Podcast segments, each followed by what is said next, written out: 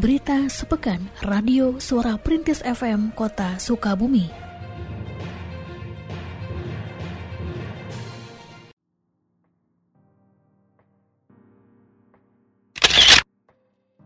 Setelah melaksanakan rapat kerja pada Jumat pekan lalu, Komisi 2 Dewan Perwakilan Rakyat Daerah atau DPRD Kota Sukabumi bersama Kepala Dinas Pekerjaan Umum dan Tata Ruang DPUTR serta jajaran meninjau secara langsung proses penataan kawasan alun-alun dan lapang merdeka pada hari Sabtu 28 Agustus 2021.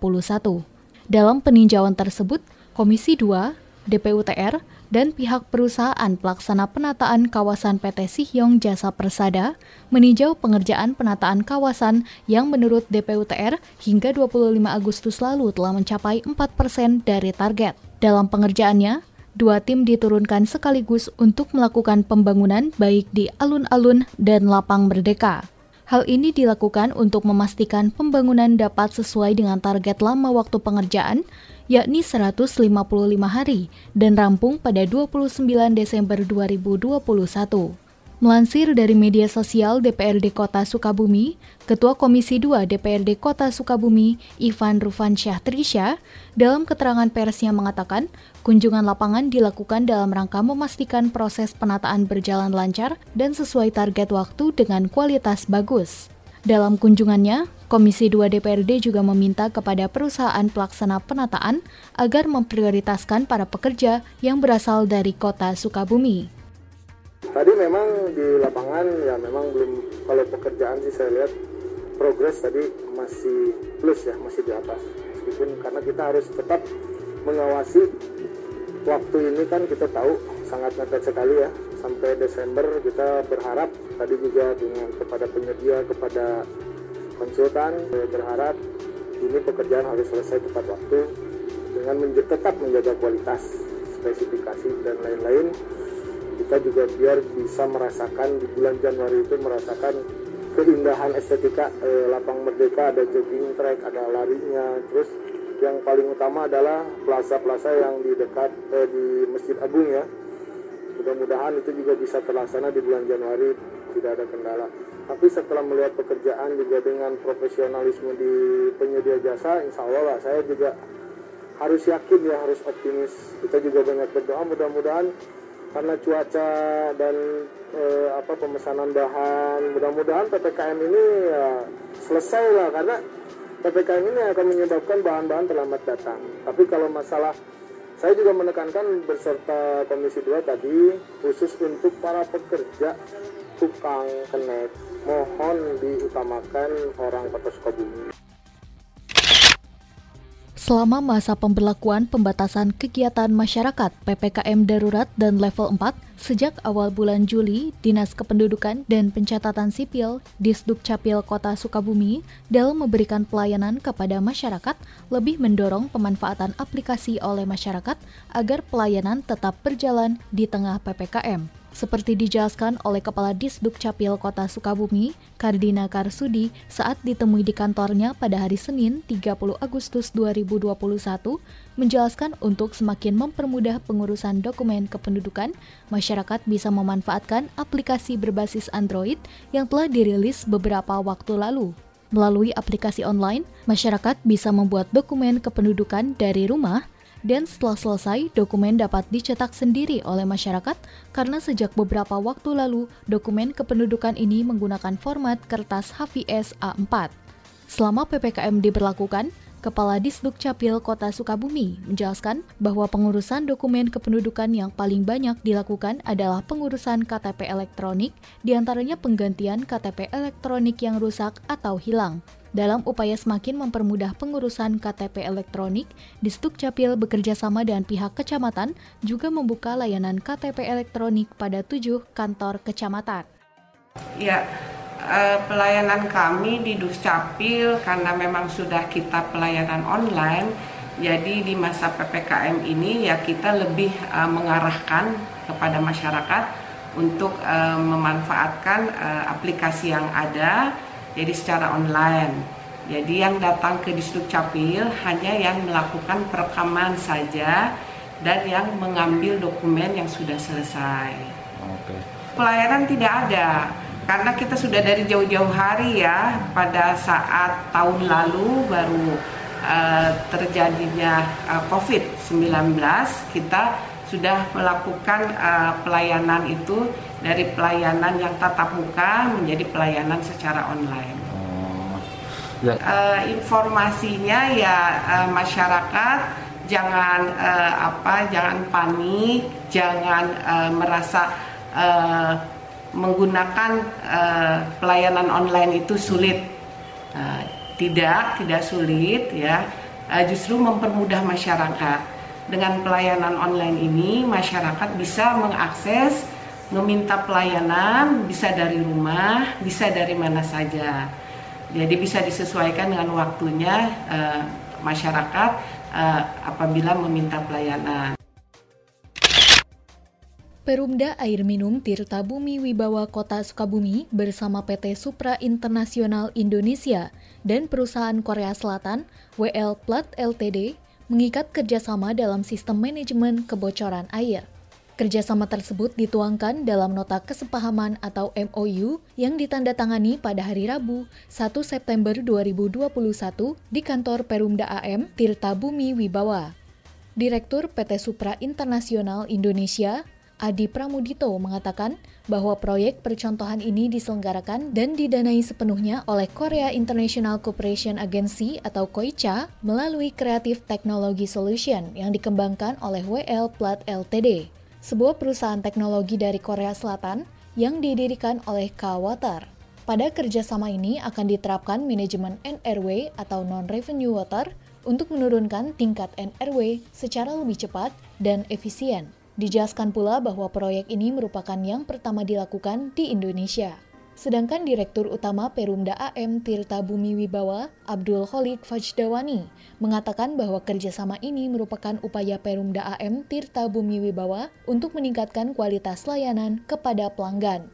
Dijelaskannya bahwa pihaknya mengelola sekitar 20.000 sambungan air dengan tingkat kehilangan air cukup tinggi, Melalui kerjasama ini, akan diimplementasikan sistem manajemen NRW dengan target menurunkan minimum night flow hingga 30% pada dua distrik metered area yang dijadikan percontohan. Yang jelas yang pertama kita apresiasi bahwa ini adalah penerapan teknologi Korea pertama kali sistem pintar untuk uh, mendata mengetahui titik kebocoran ya yang harapan kita yang pastinya bahwa penerapan teknologi ini bisa sukses berjalan dan hasil akhirnya adalah tingkat kehilangan air kita bisa turun. Sehingga yang tadi saya sampaikan masyarakat EDM bisa mendapatkan sumber air yang bisa kita distribusikan kembali kepada masyarakat. Ya, tadi kan tiga ada apa kita minus air baku. Kita minus air sekarang. Jadi ada tiga program yang harus kita lakukan yaitu penambahan kapasitas penambahan air, air yang baru itu tidak bisa mudah, murah dan cepat. Yang kemudian yang kedua optimalisasi existing. Nah sekarang kondisinya existing tidak lagi kita bisa stuck aja atau bisa stabil aja debitnya sudah alhamdulillah. Kecenderungan sekarang debitnya cenderung turun karena faktor cuaca, faktor lingkungan, ya, faktor perubahan status daerah. Nah, yang paling menurut saya leverage yang mungkin yang bisa kita lakukan dengan cepat dan biaya yang bisa terukur adalah dengan cara menghilangkan, menurunkan tingkat kehilangan air. Pembangunan pasar pelita akan segera tuntas dan dapat digunakan. Hal tersebut disampaikan oleh Ketua Perkumpulan Pedagang Pasar Pelita Kota Sukabumi atau P4KS, Jamaludin, saat ditemui di Pasar Pelita pada hari Rabu, 1 September 2021. Ia menjelaskan saat ini pekerjaan tersisa yang tengah dikerjakan adalah pemasangan paving block seluas 2.000 meter persegi. Ia merasa optimis dan memprediksi dalam empat hari ke depan, pasar pelita akan selesai dibangun dan dapat diisi oleh para pedagang. Menurutnya, sisa pekerjaan saat ini hanya di bawah satu persen dari target. Selain itu, ia juga mendukung langkah pemerintah kota Sukabumi yang telah memberikan perpanjangan hingga 10 September mendatang bagi PT Fortunindo Arta Perkasa atau PT FAP untuk menyelesaikan pembangunan. Karena menurutnya, jika tidak diberikan perpanjangan atau putus kontrak, maka pembangunan akan semakin mangkrak. Di sisi lain, ia pun memahami keterlambatan PT FAP dalam membangun pasar pelita dengan alasan pandemi COVID-19. Dijelaskan pula oleh Ketua P4KS bahwa terdapat sekitar 3.000 kios di Pasar Pelita yang siap diisi oleh para pedagang. Ia menyatakan dalam pengisian kios akan diprioritaskan terlebih dahulu kepada para pedagang lama Pasar Pelita dan diharapkan pula para pedagang yang berjualan di Pasar Pelita adalah para pedagang yang berasal dari kota Sukabumi. Ketua P4KS juga menjelaskan pihaknya memberikan kemudahan bagi pedagang yang ingin membeli kios di Pasar Pelita dengan uang muka yang ringan dan dapat diangsur. Kami sih berharap ya Pasar Pelita ini selesai 100% dan alhamdulillah uh, nyatanya hari ini tinggal 0, sekian persen lagi.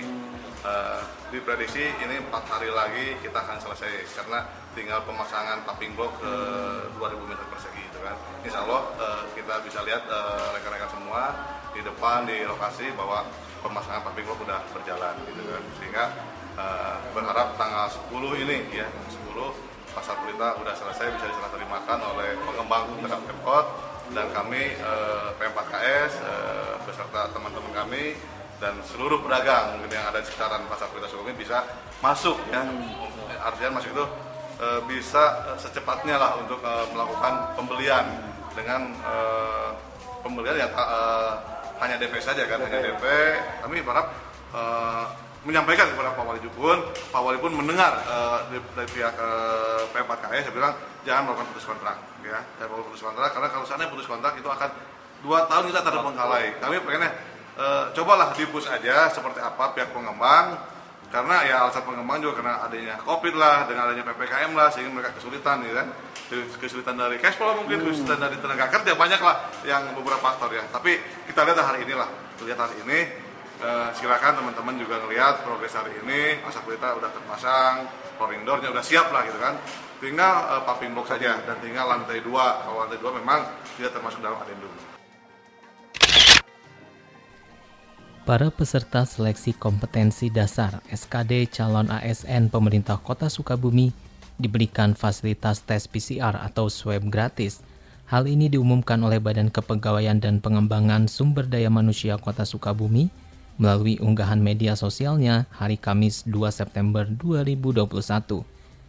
Dalam unggahan tersebut dijelaskan tes swab gratis hanya diperuntukkan bagi para peserta seleksi kompetensi dasar yang berasal dari kota Sukabumi Tes swab yang akan dilaksanakan pada hari Senin 20 September 2021 di UPTD Laboratorium Kesehatan Daerah Dinas Kesehatan hanya dapat diikuti oleh para peserta yang mengikuti calon seleksi ASN di pemerintah kota Sukabumi.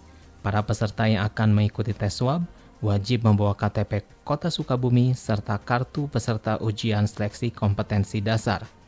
Hasil negatif tes PCR atau non-reaktif tes rapid antigen merupakan di antara persyaratan wajib yang harus dibawa oleh peserta ketika mengikuti ujian nanti. Selain itu, para peserta juga wajib menunjukkan sertifikat atau kartu vaksin minimal dosis pertama. Adapun seleksi kompetensi dasar dijadwalkan dilaksanakan pada 23 September 2021 di Universitas Telkom Bandung.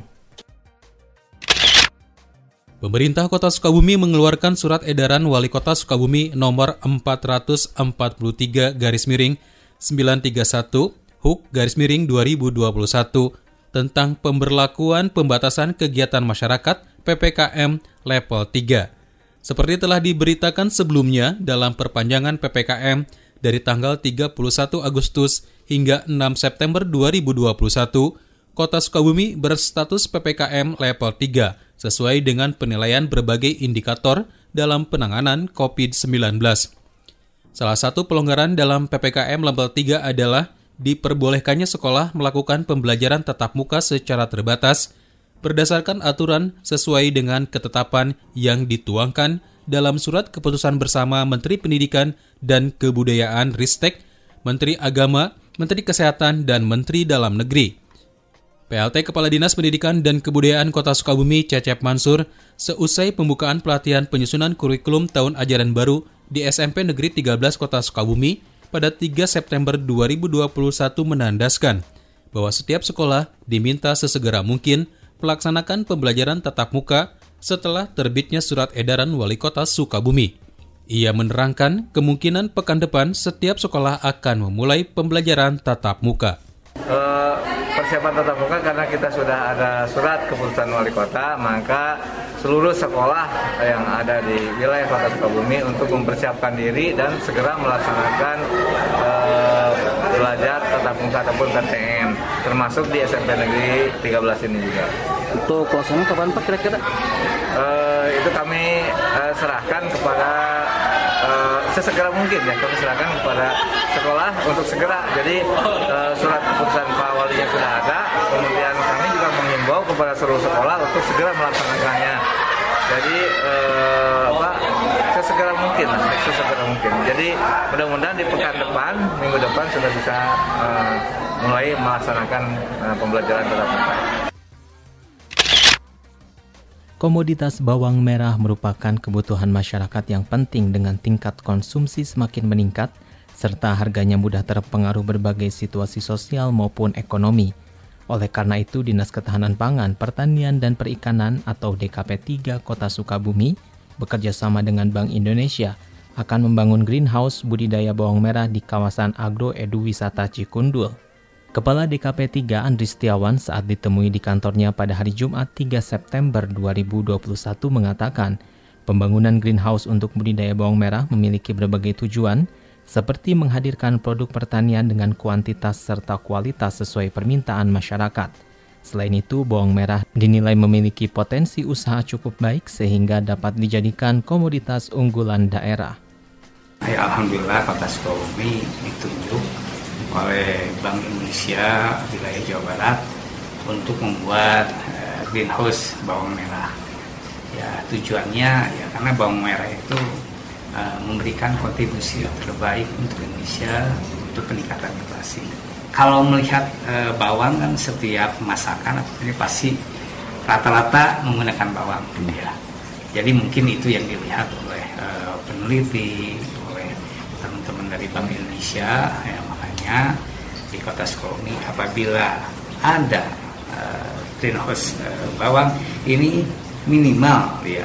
Ini ada bibit yang terbaik khususnya untuk di kota Sukabumi cocok atau tidak.